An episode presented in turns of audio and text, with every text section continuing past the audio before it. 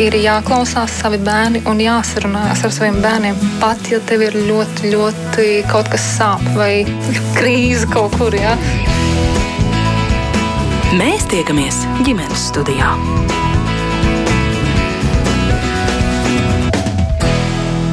Labdien! Mediķi uzsver, ka 12 gadu veciem bērniem Latvijā ir vidēji 3-4 bojāti, plombēti vai izrauti pastāvīgie zobi. Citur rietumē Eiropā tas ir viens vai neviens. Kāda vecāku atbildība rūpējoties par bērnu mutes veselību un kā dārziņu un skolas var bērniem palīdzēt apgūt pareizu zobu tīrīšanas tehniku un stāstīt par nepieciešamību regulāri rūpēties par zobu veselību plašāk stāstām šodienas raidījumā, un es Mairits Notiņš sasveicinos ar Rīgas Stradiņu universitātes asociēto profesori, Stomatoloģijas institūta mutes veselības centra vadītāju Egitu Senakolu. Labdien! Un labdien arī certificētai zobu higienistē Rīgas Radiņu Universitātes Stomatoloģijas institūta bērnu zobārsniecības nodaļā Gunai Grīnvaldei.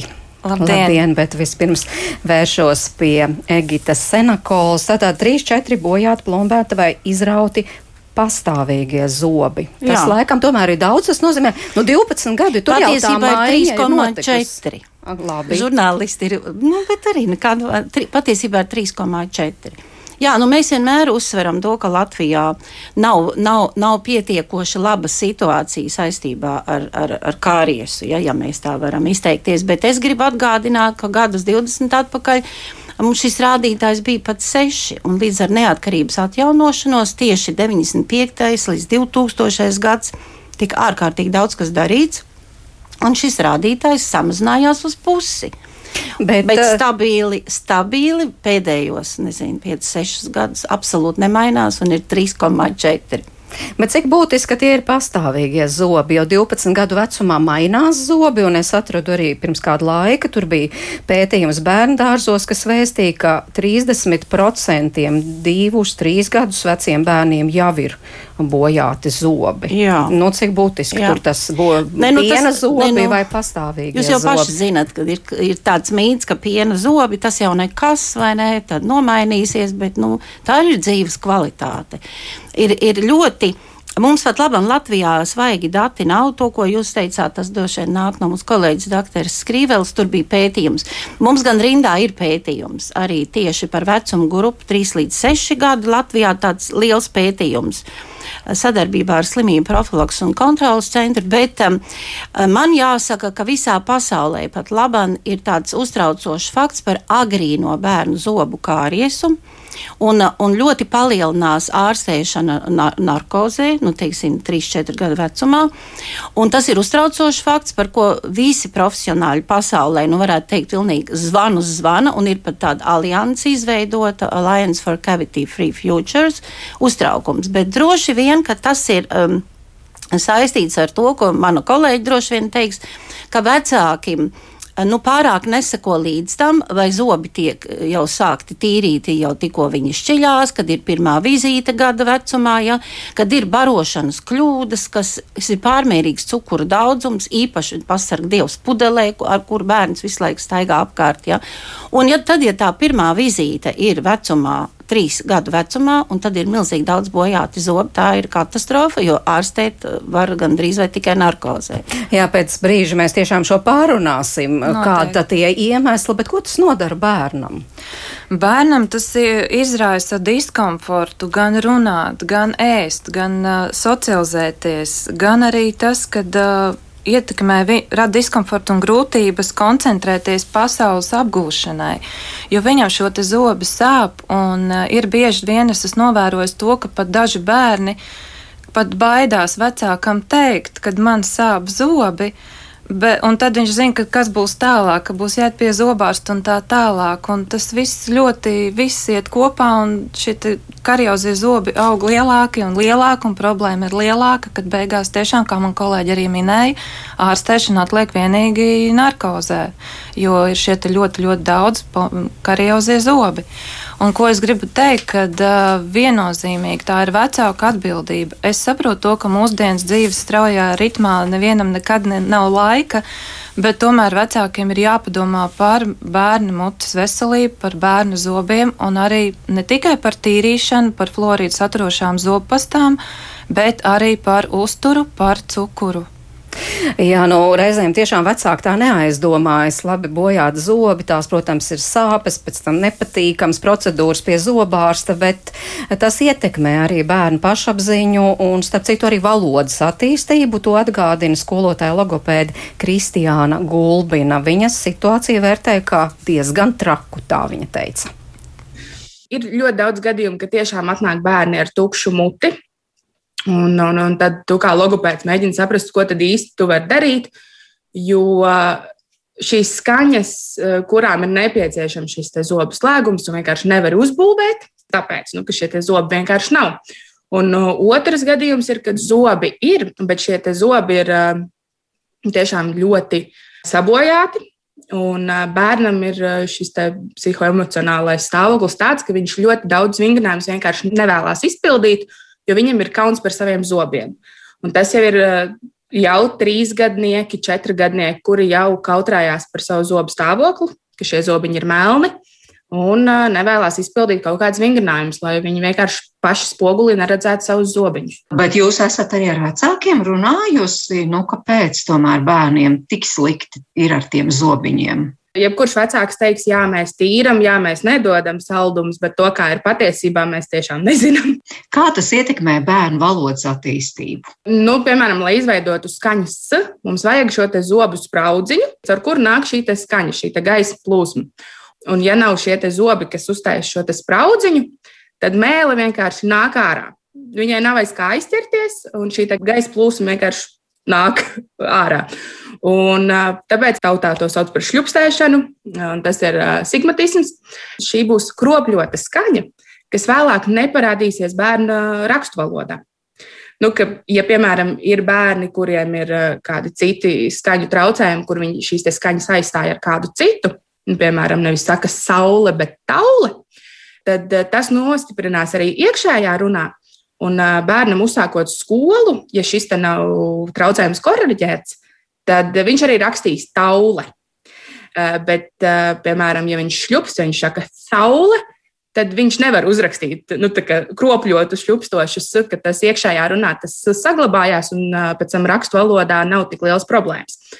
Bet šī runa, šī runa ir traucēta, ir šie skaņu kropļojumi, kuriem ir jāstrādā. Bet, nu, kā jau es teicu, ja nav šie zobi, ja nav šī sprauga, ko izveidot, tad mēs nevaram īsti neko arī korrigēt. Mēs varam vienkārši attīstīt šo artikulācijas aparātu muskultūru, lai tad, kad šie zobi ir, mēs eh, varam vienkārši strādāt tikai pie šīs noteiktās skaņas, jo viss pārējais ir jau izlabots, viss ir sagatavots.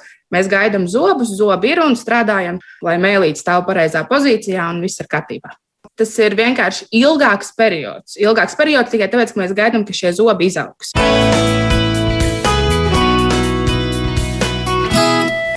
Tāds bija logopēds Kristiāns Gulbinas eh, redzējums. Ir kas piebilstams? Nu, es domāju, ka varbūt arī šī dīvainā nu, Covid pandēmija arī ir. Vēl, es, es domāju, ka šī, šī, šī situācija ir pasliktinājusi visas šīs lietas. Es domāju, ka dažas ģimenes tieši Otrādi dzīvojot mājā kopā un strādājot attālināti, ir, ir ļoti pievērsušas savām attiecībām, nozīmi higiēnai, veselībai. Nu, Neviens jau par mūsu veselību nerūpēsies, neviens mūs nenomazgās, neviens mūs nenotīrīs. Pieaugušiem tas jādara pašiem, bet pieaugušiem ir jārūpējās par bērnu veselību. Roku mazgāšana tagad ir pats par sevi saprotams. Man gribās teikt, nu, vajadzēja pielikt klāt vēl arī to zobu tīrīšanu. Nu, par to zobu tīrīšanu. Jā, tiešām pilnīgi. it kā pats par sevi saprotams un visiem informācija ir pieejama. Un kas tik viss nav, tagad pat ir mūsdienīgas aplikācijas, kur bērns var paskatīties viņam saprotamā un atraktīvā veidā, un tomēr situācija ir tāda, kāda ir. Atgādiniet varbūt to no to elementāro, jūs jau gan te minējāt, bet kā tad vajadzētu? Nu, kāds būtu tas ideālais modelis? Ideālais modelis - divreiz dienā zobu tīrīšana. Jā, pamostoties pēc brokastīm, mēs iztīram zobus un ejam savās dienas gaitās ar florīdu saturošu zopastu, ko es gribu pieminēt. Vakarā, kad atgriežamies mājās, pēdam vakariņas, tūlīt dodamies čučēt, mēs iztīram zobus ar elektrisko vai parasto zobu birstīti, kā kuram ir ērtāk un ar florīdu saturošu zopastu, kur mēs izspļaujam un neskalojam, lai šī florīda iedarbība turpina darboties. Un ejam čučēt. Un tā ir visa pati, tas ir pats pats vispār izti, nu tāds, kā teikt, higienas, mutes higienas minimums, plus vēl, protams, arī neaizmirstam zobu diegu, kas īsti ir zobu starpas. Uh, Bet uh, tas ir pats pats nepieciešamākais. Un vēl ko es gribēju minēt, kad vecāku atbildība ir bērniem pārtīrīt zobus. Bērni nemāk paši iztīrīt zobus. Viņiem nav šī sīkā motorika tik ļoti labi izveidojusies, lai viņi paši prastu skaisti iztīrīt prasmīgi zobus. Tāpēc vecākiem ir jāņem birsta rokās un jāpārtīra. Es saprotu to, ka vecākiem nav laika. Vecāki ir aizņemti ar savām lietām, ar nepārtrauktu dzīves skrējienu bet tas vecākiem ir jādara, jo tā ir vecāku atbildība, kas notiek bērnu mutēs. Jā, starp citu, arī klausītāja Inga mums jautā, līdz kuram vecumam bērnam jātīra zobe. Es arī es, gribēju es, es to tieši, jautāt. Jā, es jau te sēžu, jā, un gaidu, kad man iedos, jā, bet, nu, pēc literatūras datiem pat 8, 10 jā. gadi. Bet, ziniet, dažam labam var būt vēl ilgāk. Ja? Jā, tieši es arī gribēju minēt, ka uh, tas nav tā akmenī iekauts, ka tagad mm -hmm. astoņi gadi nopūšam tortē astoņas svecīs, mums tagad beidzās zobu uh, pārtīrīšana. Mēs pārtīram zobus un skatāmies, un tomēr ir tādi bērni, kuriem ir arī 11 un arī 12 gados vajadzīga vēl vecāku palīdzība. Es savam dēlam, kad viņš bija pusaudzis, pienesu mutes bļodiņu pie gultas un teicu, tev tik grūti aiziet, ir iztīrīt vannas istabā to zobus. Nu, paņem, es tev atnesīšu iztīrt tepat. Nu, tas bija pāris reizes, jā, pēc jā. tam pieleca, ka nu laikam. Nu, Jā. Laikam tomēr vajadzēs iet. Bet pašam. es vēl arī gribēju teikt, ka, ja vecāki paši tīrīs divreiz dienā zobus, ir ļoti liela varbūtība. Ir pat pētījumos, ka 80% varbūtība, ka iespēja, ka bērni arī to pašu darīs, un bērni sekos vecāku piemēram un paraugam. Kā vecāks darīs, tā arī bērns darīs, un tas ir ieguldījums ilgtermiņā. Un kaut arī izklausās vienkārši, un kā jau es teicu, visi to zina, bet kas sagādā grūtības? Ko jūs redzat? No rezultāti, kā mēs sākām raidījumu, nav iepriecinoši. Tātad kaut kur kaut kas nenotiek nu, tā, kā jūs. Jā zobārsti jā. to gribētu. Jā, nu, ziniet, man tā kaut kā liekas, es, es arī par to domāju. Nu, vienmēr mēs to atliekam. Mēs pat domājam, ka mums ir tas tā kā daudziem, prof, daudzās valstīs, kur ir tās labās prakses piemēri, ir ļoti stingri definēta vecāka atbildība. Un tas nav tikai par mutes veselību, ja tā ņem. Ja? Tas ir par, par vispār par bērnu veselību. Tā ir vecāka atbildība. Un tad es teikšu ļoti dīvainas lietas, ka laba mutes veselība vispirms ir vecāku nopelns. Un mēs arī pedagogi, ja, un -hmm. mēs kā profesionāļi, zobu higiēnisti, zobārsti, mēs palīdzam tajā procesā. Un iespējams, ka mūsu valstī tieši varbūt tā, nu, es nezinu, tagad ir modē ne tikai veselības veicināšana, teikt, bet arī par to veselības pratību. Man ir sajūta, ka, vien, ka mums to veselības pratību visās jomās vajag visās iedzīvotāju grupās. Viņa agrāk bija veselības mācība. Tad viņu ieintegrēja. Bet man ir sajūta, ka ar to ieintegrēšanu pazuda tā, pazuda tā, tā dziļā, nu, tā, tā tieši tā ķermeņa, nezinu, uzbūves zināšanas, jā, rūpēšanās par to. Viņi, viņi kaut kā izšķīda. Tā veselības mācība bija viena laba lieta. Mm -hmm. Jā. Jā, es gribu arī jautāt uh, klausītājiem, kuri mūs dzird, tad, ja jūs esat bērnu vecāki, tad varbūt uzrakstiet, kas tiešām jums sagādā grūtības no šī it kā vienkāršā algoritma, kā rūpēties par bērnu zobiem. Un starp citu, Roberts mums raksta tā, jā, protams, vecāka atbildība, bet kaut kā nesanāk tomēr. Ai. Mēs bērnam no pusgada vecuma kārtīgi katru dienu tīrījām zobus, katru dienu bez izņēmuma un bez variantiem. Tagad bērnam trīs gadu, un izrādās astoņi caurumi, kuru Nu, zobārs cukurs. saka, ka vajag likt vairākiem zobiem kroņus. Ārprāts. Beigās zobārs saka, jūs tīrījāt ar nepareizu zobu pastu. Ne- Mēs pirkām aptiekā speciālo elmeksu zobu pastu bērniem vecumā līdz trīs gadiem. Izrādās, tajā nav flora un tā neder. Jā, nu, mēs nedrīkstam zīmolus pieminēt, atvainojiet, Jā, jā, es jā. Nu, jā, nu, izlasīju jā, nu, Robertu tas- lasīju. Tāpēc jau mēs uzsveram tos florīdus, vai ne? Bet eh, te varbūt, redziet, tas iet tādā kompleksā par to, par to cukuru. Viena, eh, viena lieta ir, ka eh, mēs tomēr eh, ir ļoti svarīgi, tā arī būs veselības pratība. Kontrolēt, cik tad dienā mēs to cukuru un arī sāli apēdam. Jo, ja mēs pērkam ļoti daudz uh, rūpnieciski ražotas produktus, mums nav ne jausmas, kas tur ir iekšā. Ja? Un tāpēc varbūt vecāki, mīļie vecāki, nu cik vien var gatavojiet mājās, tad jūs to varat izkontrolēt, vai ne? Jo 25 gramu dienā eh, tas ir 5-6 teikarots. Un, starp citu, bērniem 3 teikarots, sievietēm 6 teikarots, vīriešiem 9 teikarots. Jūs taču saprotiet, ka tas patiesībā ir ārkārtīgi maz. Nu, labi, divreiz vairāk, bet daži cilvēki. Pilnīgi neapzinoties dienā, es nezinu, cukuru trauku apēda ar cukuru. Ja? Nu, cukurs, starp citu, ja mēs runājam par to agrīno bērnu zobu kāries, tad tur tas galvenais ir tieši cukurs. Ja? Pārmērīgi cukuru lietošana. Jā, nu, Il, Ilze, tūlīt atbildēsit, Gūna, bet gribu iesprāgties vēl klausītājs Ilze piebildi. Esmu tā mamma, kas grēko ar cukuru daudzumu ikdienā. Zinu, bet pāraut ķēdi ir grūti. Atkarība. Jā, tā ir cukura atkarība, ar ko ir pašam jātiek galā. Un uh, es gribēju atgriezties pie Roberta komentāra, kad uh, jā, šeit ir um, informācija mazliet vai izglītotība.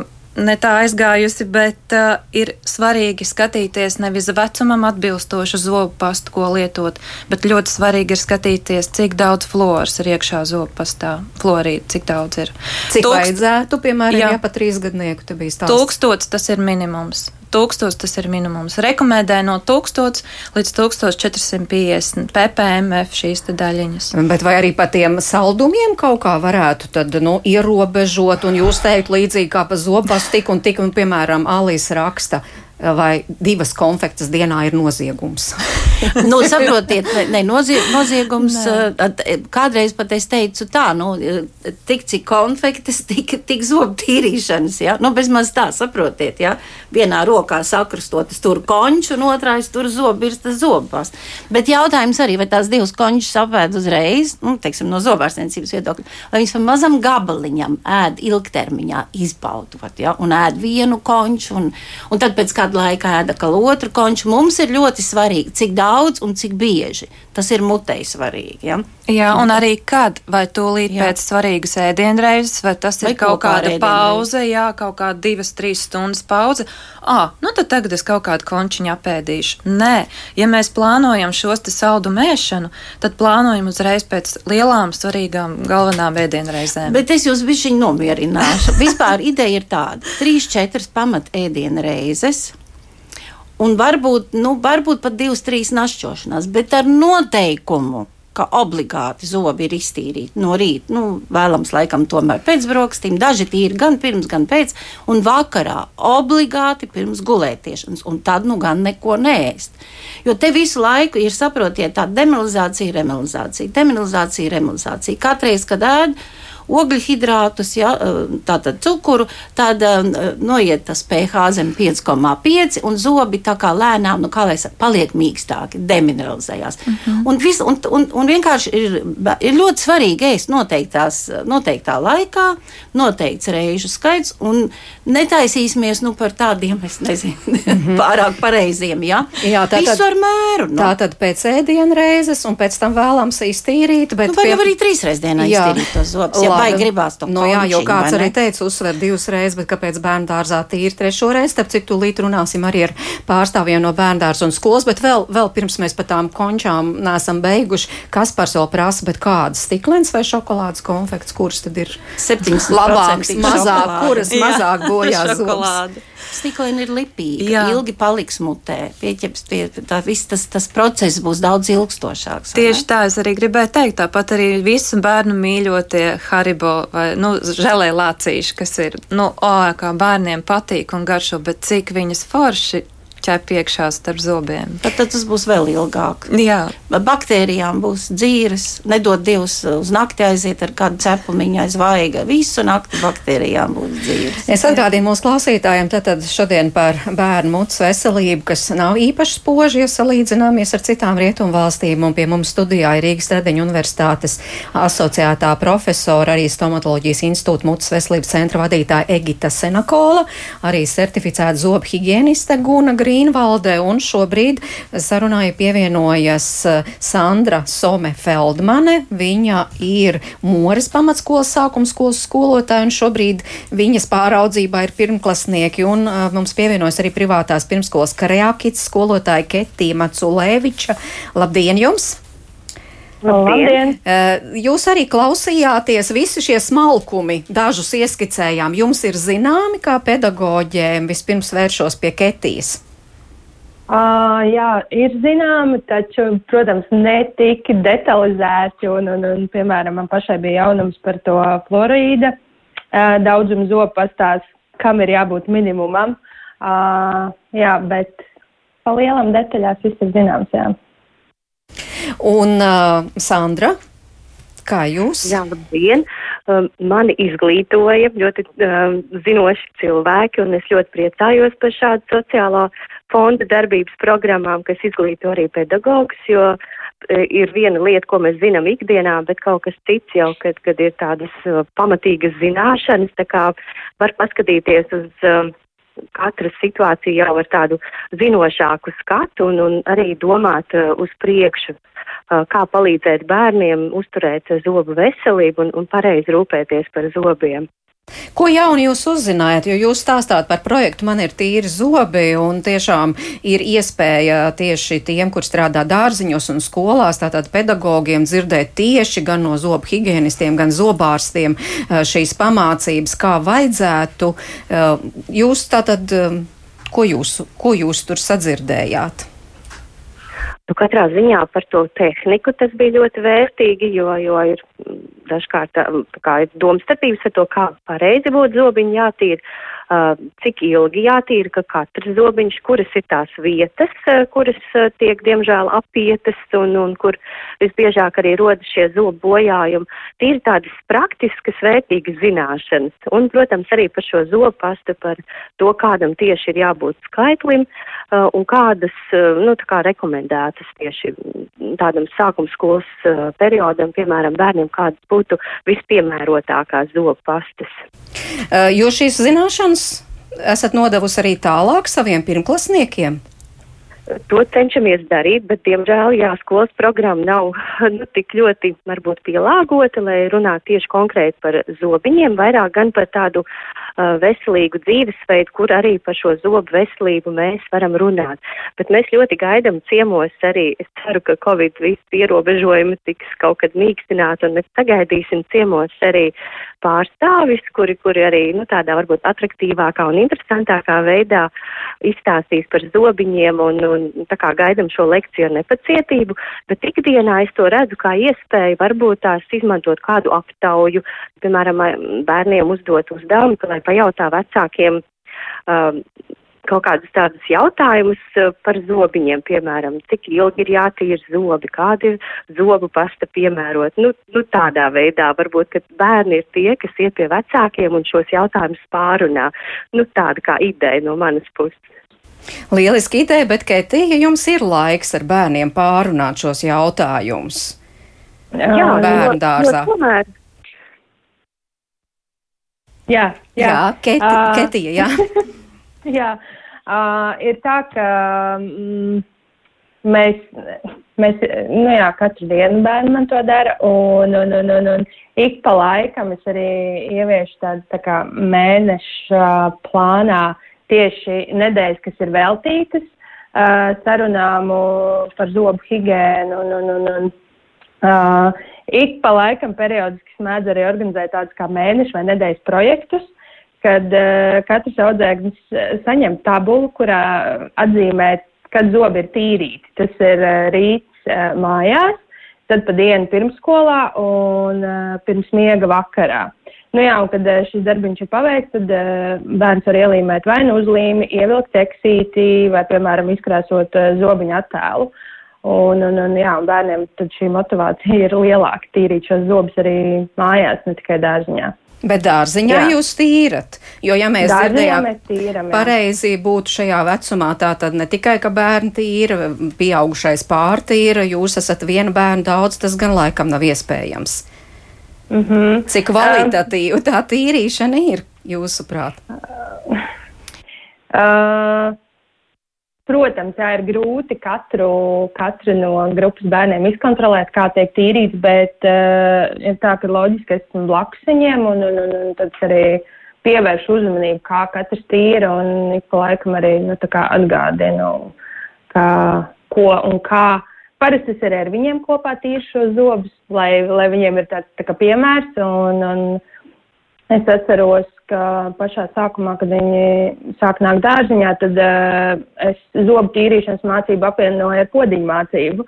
Uh, kamēr mazie sēdēja uz podiņiem, tad katram bija savs zobis, es sēdēju pretī un tīrīju savus zobus. Uh, nu, tā tad būtu šim piemēram viņiem. Un lai viņi redz, ka nu, to var darīt ar prieku un entuziasmu, lai viņi redz, ka tā ir patīkama nodarbe, nevis nepatīkams pienākums.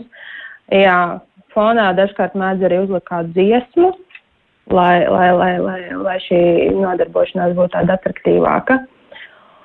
Un jā, un loģiski tad arī uh, runāja ar vecākiem, uh, pievērš uzmanību, kā, kā katrs bērns to dara, un, ja nepieciešams, tad arī jā, ir šīs sarunas ar vecākiem, ka nu, tā kā vajadzētu mājās varbūt pievērst lielāku uzmanību šai zobu higiēnai.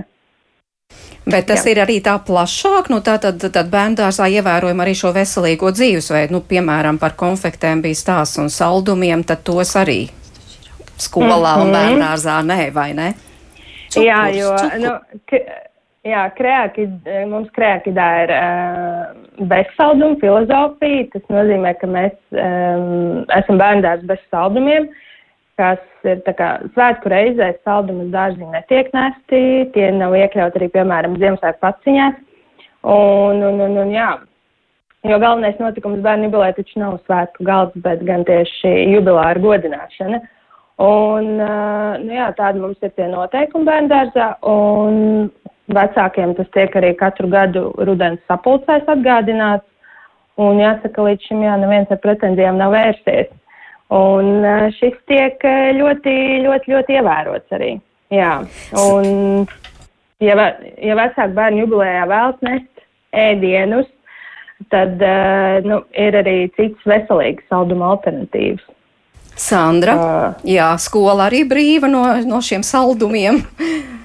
Diemžēl nē, bet uh, tas ir vairāk tāds jautājums, um, ko mēs apspriežam kopā ar vecākiem. Uh, jo mums ir tā, ka pēc pirmās stundas ir tāda brokastiņa pauze, ko ļoti bērni arī gaida. Uh, nu, mazums ir no rīta izskrējis ātrāk un nav ieēdis tās brokastiņas, un tad tā spēciņa ir mazāk. Un tad šajā, um, nu, kā lai saka, es vecākus aicināju par veselīgu dzīvesveidu domāt un, un ielikt paciņā, nu, tomēr vairāk dārziņas vai augus. Bet uh, pēc tam mūsu diskusijā arī parādījās šis jautājums, ka ne visiem vecākiem ir tāda pārliecība un, un tā uzspiest pagaidām mēs nevaram, jo katrs tomēr rīkojās ar to, kas viņa rocībā ir un, un tad iedot tam bērnam to, kas nu pašiem ir. Un tādēļ mums šis jautājums pagaidām ir apstājies tieši pie tā, ka vēl jāturpina izglītot sabiedrība varbūt par, par veselīgas ēšanas jautājumiem un tam līdzīgi. Paldies, paldies! Es saku Sandrai Somē Feldmanai no Mūras pamatskolas un arī Ketijai Maculēvičai no privātās pirmskolas Kriākits. Uh, Dzirdējāt, Jā, varbūt ne, kādas labas ierosmes? Nē, nu, nē, nu, ko jūs, mēs jau to visu ļoti labi zinām, bet man jāsaka, Paldies jums! Jūs esat tā kā labas prakses piemērs, vai ne? Un te man arī jāsaka, es, es ļoti ilgi šajā jomā strādāju. Un uh, Latvijā uh, dārziņos, nu, pirmskolas izglītības iestādēs, būtībā zobus tīri jau 30 gadus. Un tas nav nekas jauns, tikai tad pamazām vienāds arī tā florīda saturošās zopas, un mums nav dati par to, bet um, par to, cik, dār, cik dārziņos Latvijā tas vēl aizvien tiek darīts. Ja? Un, un tad tiem pedagogo, pedagogiem es gribu teikt ārkārtīgi lielu paldies, jo šeit ir, ir tās prasmes tiek izkoptas un tā rutīna tiek iestrādāta. Ja? Un arī šī gadījumā es to pašu gribu teikt. Un tas, protams, iet kopā ar uzturu. Un te nu man ir jāsaka tā, ka um, ir vajadz, vajadzīga tiešām tāda valstiska programma, tāpēc ka mūsu Latvija vienmēr ir tāda, es vienmēr saku, tā kā balta un melna pleķa. Ir vietas, kur viss notiek perfekti. Ja?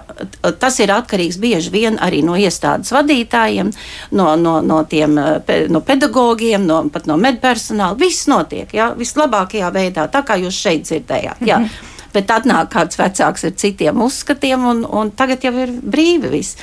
Es gribu teikt, ka vienīgais, kas mūsu valstī ir noteikts ar, ar ministra kabineta noteikumiem, 480, ne, 890. Ja, eh, par to, ka, ka jābūt ir maiņas apaviem un zobu birstēm dārziņā. Tas, starp citu, ir ministra kabineta noteikumos. Tā tad apavi jāmaina, birstas jālieto. Ja, un to gribēja dabūt laukā, nedabūja laukā. Tie ir ministra kabineta noteikumi.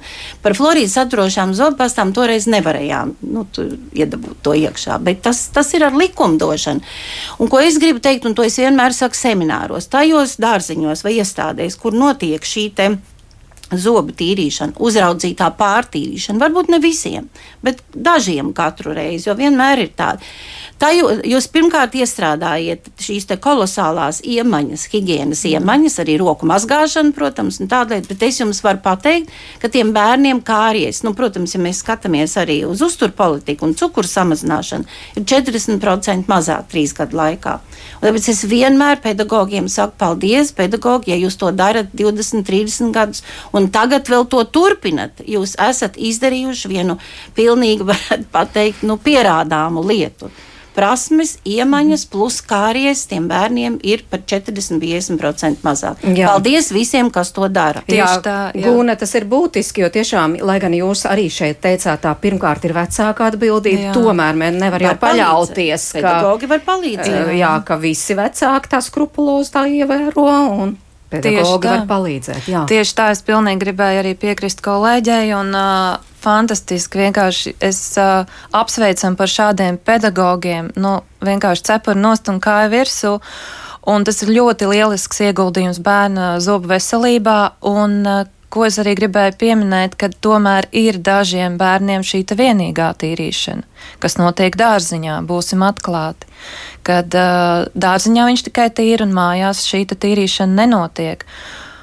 Nu, Tā tomēr nu, tā, tā ir, ir realitāte. Jā. jā, tā, ir, mm -hmm. tā ir vecāka atbildība, kur ir jādefinē.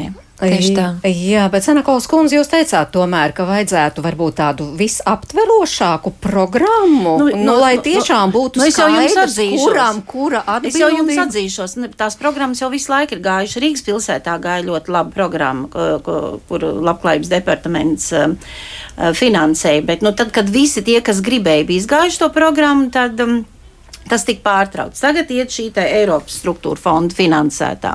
Mm -hmm. Bet par, šī par tiem, par, par ko mums šodien iet jā. runa. Un tā jau arī bija 18. gadā, un tagad 21. un 22. gadā. Mēs, mēs, es jau atzīšos, es, es, es ar savu komandu mēs visu laiku liekam kāju durvīs, kur vien varam, lai tikai kaut ko dabūtu. Ja? Bet ideālā variantā būtu, ka būtu viena integrēta programma eh, pirmskolas izglītības iestādēm un sākuma skolām. Eh, mums jau labi sanāk mutes veselība. Uzturs, mēs varam likt klāt fiziskās aktivitātes, mēs varam, mēs varam visu tā kā kopējos riskus salikt kopā vienu vienotu, skaistu programmu. Nu, nav tikai mēs jau redzēt, uzturs ir klāt, ideāli, vai ne? Un, bet tad tā programma, programma lai pārklāj visu Latviju. Tas ir mans mūža sapnis, kurš nekādīgi nevar piepildīties, jo tagad ir tā, tie, kas grib piesakās, tur ir, tie, kas negrib, nav. Un tad vēl vecāku nostāju daudzos jautājumos. Mēs nevaram par to vienoties. Vienota programma. Jā, nu par vienoto programmu runājot, starp citu, Ziemeļvalsts vienmēr šajā ziņā ir rādīts tāds kā piemērs, un tur patiešām ir ļoti labi rezultāti. Ja es pareizi esmu atradusi informāciju, piemēram, Dānijā, ja mēs runājam Latvijā, 12 gadu vecumā 3,4, kā jūs teicāt, bojāti pastāvīgie zobi, tad tur ir 0,6. Pat 0,4 jau rādās. Pat 0,4, un Saproti. tiešām tas ziemeļu valstu piemērs ir fascinējošs, bet kā, kā tur tas īsti tas tiek panākts? Es jautāju deviņgadīgu dviņu mammai Lienai Dinvaldei, tātad ģimene dzīvo Norvēģijā. Tur zobārstniecība bērniem līdz 18 gadu vecumam ir bezmaksas pakalpojums, bet rūpes par zobu veselību tas pat tiešām ir tāds komplekss pasākums. Klausāmies! Par to runā, kad bērnam parādās pirmie zobiņi. To stāsta bērnu māsa, kas uzrauga bērnu augšanu un tad atgādina, apmāca, parāda, izstāsta. Tostarp arī par to, kas ir piemēram veselīgi ieradumi, kā piemēram padzerties ir tikai ūdeni. Un, piemēram, ja bērngārzā būs aizsūtīts līdz bērnam, pieņemsim sula ūdens pudelē, tad pēc vienas reizes neteiks, neko neaizrādīs, bet, ja tas būs regulāri, tad bērngārza audzinātāji norādīs, ka šādu te padzierienu bērnam līdzi nedrīkst sūtīt. Un arī tas, kas ir ļoti tradicionāli Norvēģiem, tas ir saldumi tikai sestdienās. Un līdz ar to ikdienā nekādus saldumus nēd. Un tas arī, piemēram, tas pats bērndārs. Norvēģijā nav tradīcija nes saldumus uz bērndārzu. Ne konfektes, ne kūkas, nu, ka bērniem ir dzimšanas diena, vai arī citos svētkos tie būs augļi vai kas cits, kas ir veselīgi. Un, uh, Tad nākamais ir šīs arī regulārās pārbaudes. Šeit ir izveidota sistēma, kad visi bērni attiecīgā vecuma grupā tiek eh, iesaukti pie zobārsta. Un es pats strādāju skolā, un tad arī mazliet tā komiski redzēt, ka, piemēram, klase nedēļas divu laikā visi bērni būs bijuši pie zobārsta uz pārbaudēm. Jo viņi dzīvo vienā vietā, viņiem ir viena vecuma grupa, tā kā tur ir ļoti laba tā sistēma izveidota. Kad regulāri reizi gadā tiek šie bērni pārbaudīti. Protams, tiem bērniem, kuriem varbūt ir kaut kādas problēmas ar zobiem, tad būs jau citas tās pārbaudas, un um, tur ir ik pēc mēneša. Piemēram, pārbaudas, lai novērotu, vai nebūs vēl kāds jauns caurums, vai ik pēc trīs mēnešiem, ja tā situācija stabilizējusies. Un kas vēl ir vienkārši fantastiski izveidots, eh, šie ir valsts apmaksāti zobārsti un pilnīgi parasti zobārstniecības iestādes, bet eh, tā attieksme par to mazo eh, bērnu ir unikāla. Viņš ir klients, ar viņu runā, ja bērns ir nedrošs, var visu aptaustīt, paskatīties. Nu, katram bērnam, manuprāt, bija pusstunda šo zobu pārbaudu. Un tad liela daļa no šīs pusstundas nav šo zobu apsakošana, bet tieši sarunas ar viņu, izstāstīt par zobu tīrīšanu, tāpat tās arī jā, parādīt. Un, un, un, tā kā ar šo bērnu darbojās. Piemēram, maniem bērniem ļoti patīk iet pie zobārsta. Viņi prasa, kad, kad mums atkal būs jāiet pie zobārsta, kad jau pagājis tas gads, mēs atkal gribam. Par spīti tam, ka vienai no meitām bija lielākas problēmas nesaistītas ar higiēnu, bet veselības iemeslu dēļ, kāpēc bija daudz caurumu vienā brīdī un, un viņa piedzīvoja, ka tiek laboti zobi, bet vienalga šis prieks un vēlēšanās iet pie zobārsta ir saglabājies. Un, principā zobu veselība Norvēģijā bērniem ir laba. Man otram bērnam deviņos gados nav neviens caurš zobs. Protams, mēs esam ievērojuši visu šo, kas ir bijis rekomendēts. Tīrīt zobus no rīta vakarā, nelietot šo saldos dzērienus, minimāli saldumus un, un tā tālāk. Un te es varu arī pateikt, negribu sacelt vētru ūdensglāzē, bet pret veselību izturās ļoti nopietni, tostarp arī pret zobu veselību. Un, ja vecāks nerūpējās, ja ignorē šīs uzaicinājumus, tad um, to traktē kā nerūpēšanos par bērnu. Un, ja bērnam ir ļoti daudz cauri zobi, un tas ir iemesls, tāpēc, ka bērns ēd par daudz saldumus vai par daudz dzēržo saldinātos dzērienus, respektīvi neievēro šīs rekomendācijas, nu, tad eh, bērnu tiesa pazvanīs, eh, aprunāsies, izstāstīs. Protams, tas nav runa par bērnu izņemšanu, pilnīgi noteikti ne, bet eh, tad būs arī konsekvences tam. Un visi vecāki to zina, ka tas tā būs, ja tu nerūpēsies. Un tas mazliet varbūt arī liek tā, ok, jāiztīra tie zobi. Protams, ka neviens bērns sākumā negrib tīrīt tos zobus, bet šī sistēma darbojās. Un tā ir konsekvences, ja tu neiekļaujies, ja tu ignorē, respektīvi, tās vadlīnijas. Nu, lūk, Lienas Dienvaldes stāstā, tad divu deviņgadīgu viņu mammas uh, dzīvo ģimene Norvēģijā, un viņi raksturoja tiešām visu šo sistēmu, un it kā jau šķiet nekā tik ļoti atšķirīga nav. Nē, nu, bet redziet, tā ir, jūs pieminējat vārdu sistēma. Mums, uh, mums, uh, mums ir pieejama pakalpojumi, bet nav sistēma. -hmm. Jo būtībā jau pirmā vizīte tagad ir jau gadu vecumā, un ja gadu vecumā redz to uh, mazo bērniņu, tad redz arī barošanas kļūdas. Uzreiz jau, ja tas ir, vēl tāda lieta kā zīdaiņa pudeļa kāries, kad vecāki dod pudeli bērnam, kurā visu laiku ir cukurs pievienots. Ja? Un, un ir tik daudz, saprotiet, to, te ir doma par to, ka regulāras vizītes, ļoti agrīna diagnostika. Uh, teiksim, šī gadījumā, ja, un, un, tad, un tad jau tas tad, tad, tad vecāki to ņem vērā. Un tas tiek apstādināts, jo tagad jau ir ļoti smalki. Tagad mēs runājam par neinvazīvo zobārstniecību. Tas ir uh, neurupst, bez urpšanas. Un starp citu, un tieši uh, florīdu saturošu zobārstu pielietošanas un samazināt cukuru uh, lietošanas politika ir tieši tie pirmie neinvazīvās šīs te, uh, ārstēšanas metodas, pi pirmās lietas, kuras var darīt jebkurš. Un, un tagad ir arī metodes. Um, Eh, teiksim, eh, likt kroņus uz sabojātiem zobiem un, un apstrādāt ar, ar, ar tādu sudraba diamīnu florīci, ja, kas viņ, nu, padara to zobu tādu kā nu, eh, pārkrāsoja, gandrīz vai tā kā melnēs, bet apstādina kāries.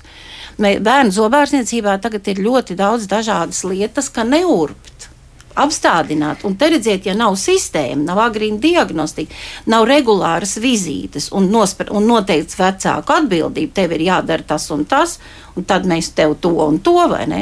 Tad, nu, tad mm. mums sistēma nav. Jā, nu par tām regulārajām vizītēm. It kā jau jā, tā vajadzētu būt, bet šeit pat ģimenes studijā mēs esam runājuši par zobārstu pieejamības jautājumu, jā. un tad tur ir bijušas ļoti karstas diskusijas, jā. ka nemaz tik vienkārši Starp nav. Strateģiskos dokumentos um, uz nākošiem gadiem ļoti skaisti ir runāts arī par šo pieejamību, bet te arī tad ir skaiti jāpalielina. Un saprotiet, ir vēl viena lieta. Skandināvijas valstīs 40, 50 pat 60%, kā nu katrā valstī, ir tā saucamais public health, valsts aprūpēta. So, šī ir valsts sistēma, kas to dod. Ja? Mums jau tā nav. Mums labi, es nezinu. Mums ir parasti līgumi. Mums varbūt ir kādi 11% kaut kur tādas iestādes, kur tikai iet šī valsts aprūpe. Ja? Tā arī ir ļoti liela atšķirība. Tur ir 11%. Nu, es tā savā laikā paskatījos. Tu, tas, kas ir tikai tā, parasti jau zobārs slēdz līgumu Un tad tas notiek. Mm -hmm. Un, uh, starp citu, zobārstiem īpaši nepatīk slēgt šos līgumus uh, par bērnu aprūpi. Nevienmēr tagad gan ir pārstrādāti tarifi un tā tālāk, bet uh, tas ir viss ielikt strateģiskos dokumentos. Bet te ir tas pats, kas visā mūsu valstī. Vismaz jādomā 50 gadus uz priekšu arī par kadru politiku. Ja? Nu, mums ir zobu higiēnisti Latvijā 487. es esmu, es šo programmu strādāju visu mūžu, to es tā kā nepieminēju. Ja? Jā. Jā. Bet tie ir milzīgi palīgi. Un zobu higiēnistus mēs tagad gribam arī izglītības līmenī, pat līdz bakalauram, maģistram.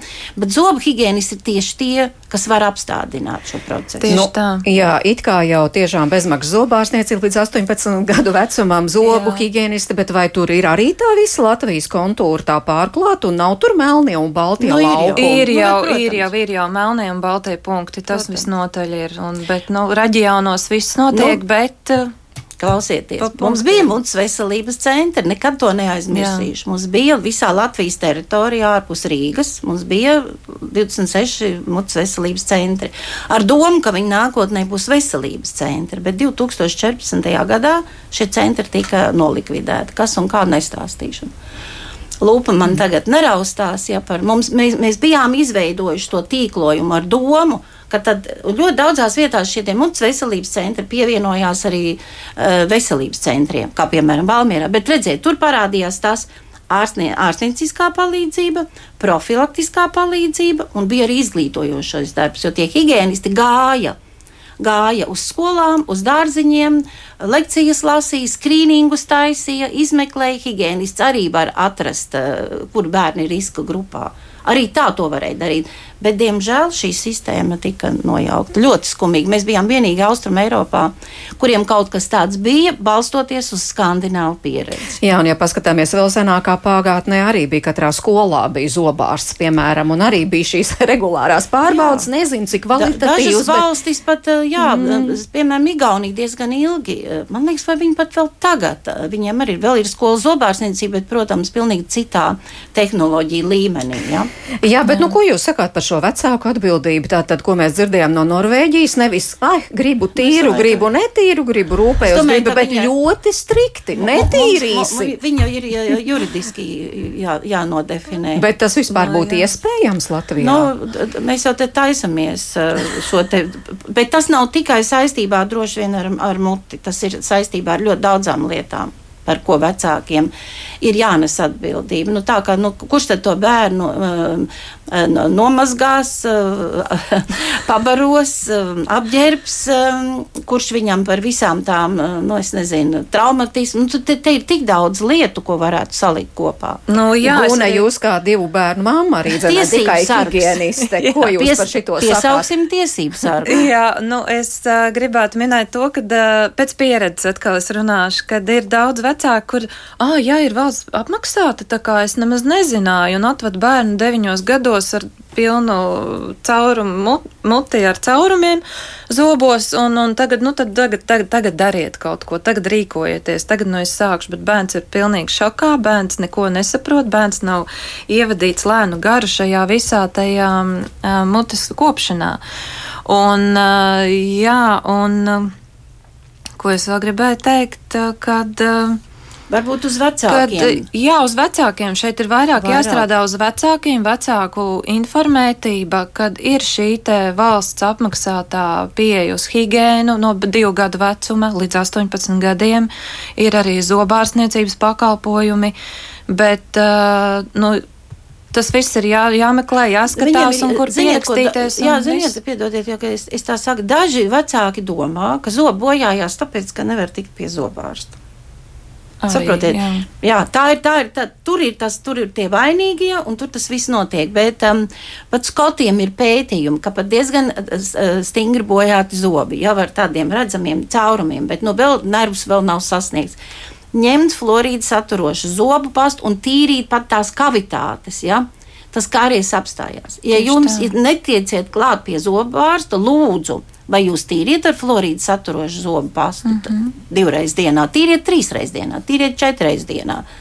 Kaut kādā veidā dariet kaut ko, kamēr jūs gaidat, varbūt tā ir rindā, bet pateikt, ka zobi bojājās no tā, ka nevar tikt pie zobārsta vai pie zobu, zobu higienista, kurš var jā. palīdzēt. Jā, nu, š, šīs pasaciņas būs laikam kaut kad jāizbeidz. Te būs tā atbildība. Jā, nu klausītājs Ričs mums raksta, eh, atsaucoties uz šo Norvēģijas ierakstu, nu tā, Norvēģijā viss ir skaisti, bet šeit biznesi pāri visam skolās, neskatoties uz visādiem ministru kabinetu noteikumiem, brīvi tirgot cukuru tīrā un slēptā jā. veidā, bērndārzos uzturvērtību rēķina jā. kalorijās, kur vēl skaistāk baltumais rullē un jā, tad zobārs raud krokodila asars par zobu kvalitāti. Nu, redziet, sistēma sistēma. Nav, mēs nevaram apvienoties kopējā veselības eh, veicināšanā. Es gribu teikt, veselības veicināšanā. Mm. Un Anna savukārt eh, raksta tā savā vecumā, viņai 40, un kā dīvānu ekspertei man veidojies skatiens uz zobu, zobu lietām sekojoši.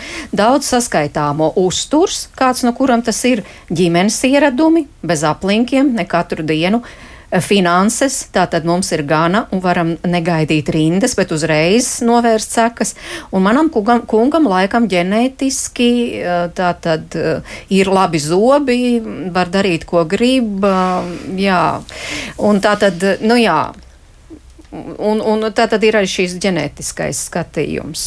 Un arī savs zobārsts Anna saka, ka tas arī ir būtiski uh, Jā. Kam uzticās? Jā, tieši tā, jā. kas uzņemās šo nu, jā, atbildību kā, un visu, visu. Jā, jā, tā kā arī Anna saka, tas tāds komplekss, kā jūs kompleks, sakāt, komplekss pasākums. Bet, nu, tuvākajā laikā, ja skatāmies un gribam tomēr, nu, pietuvoties tur tam Ziemeļvalstu līmenim, ka tur varbūt viens 12 gados caurs pastāvīgais zobs ne vairāk, kas tuvākajā laikā būtu jāizdara, ko varētu izdarīt?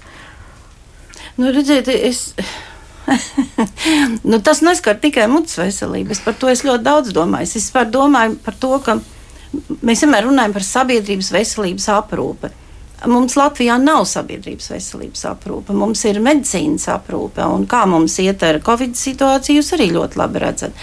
Un arī šajā situācijā ļoti klibo šī veselības veicināšana Un starp citu, ko es nevaru saprast, kāpēc tik mazā valstiņā nevar sanākt kopā cilvēki. Agrāk mēs gājām uz ministriju, sēdējām pie apaļā galda un risinājām jautājumus. Bija arī, starp citu, eksperti veselības veicināšanā. Tagad tieši Covid periodā šo ekspertu grupu, kas bija nu, absolūti voluntārs darbs, nu, vienkārši ņēma un nolikvidēja, vēl lika par to parakstīties. Es par to neparakstījos. Lai, lai Covid apstāja kļāpā. Jā, īst, nē, nē, nu, īstais laiks, mm. jo saprotiet, te ir tas, ka mēs, mēs nenākam kopā un nerunājam vienkārši uz realitāti balstītas lietas, kā to vislabāk izdarīt. Pas, Par realitāti, tas... piemēram, Gint mums raksta, nu, piemēram, Ogres pirmajā vidusskolā māsīņa no higienistu kabineta regulāri zvan un aicina bērnu apmeklēt higienistu. Un te ir ārstu atbildība, ja jau tas vecāks nezin, vai ir tikai aizņēmums, tad varbūt no ārstiem arī jābūt aktīvākiem, vai, piemēram, higienistiem jābūt aktīvākiem.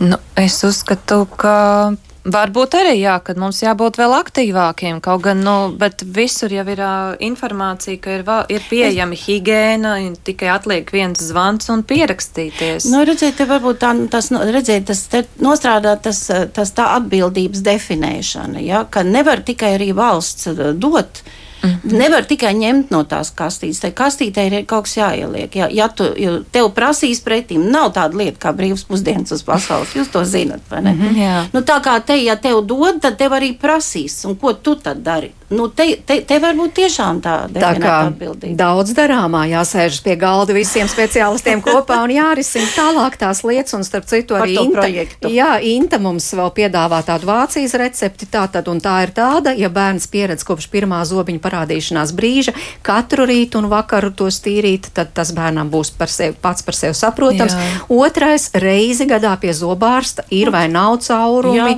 jā. tad pie zobārsta flora vanniņas visiem sakodiem ēdieniem, un tūlīt pēc izšķilšanās dzerokļu pārklāšana ar speciālu ar laku. Jā, vai bērnam laku, nebūs kariesa vispār. Nu, tāda ir viņas kā mammas pieredze. Nu, tās ir citu valstu labās pieredzes, labās, labās prakses. Un, starp citu, vēl jau ir arī Skotijas pieredze. Bet mēs varētu stundu runāt. Mēs to gribējām adaptēt Latvijā, bet mums nekas nesanāk. Mums Paldies! Idejas. Nākamreiz runāsim arī par to. Paldies Egitē Senakolai no Rīgas Radiņu universitātes un Gunai Ginvaldei, arī certificētai zobu higienistei, raidījuma producenti Ilza Zvaigznes, Mairis Notiņa bija pie mikrofona. Paldies jums, ka aktīvi iesaistījāties. Diemžēl nevarējām atbildēt uz visiem jautājumiem, bet tā tad nākamreiz.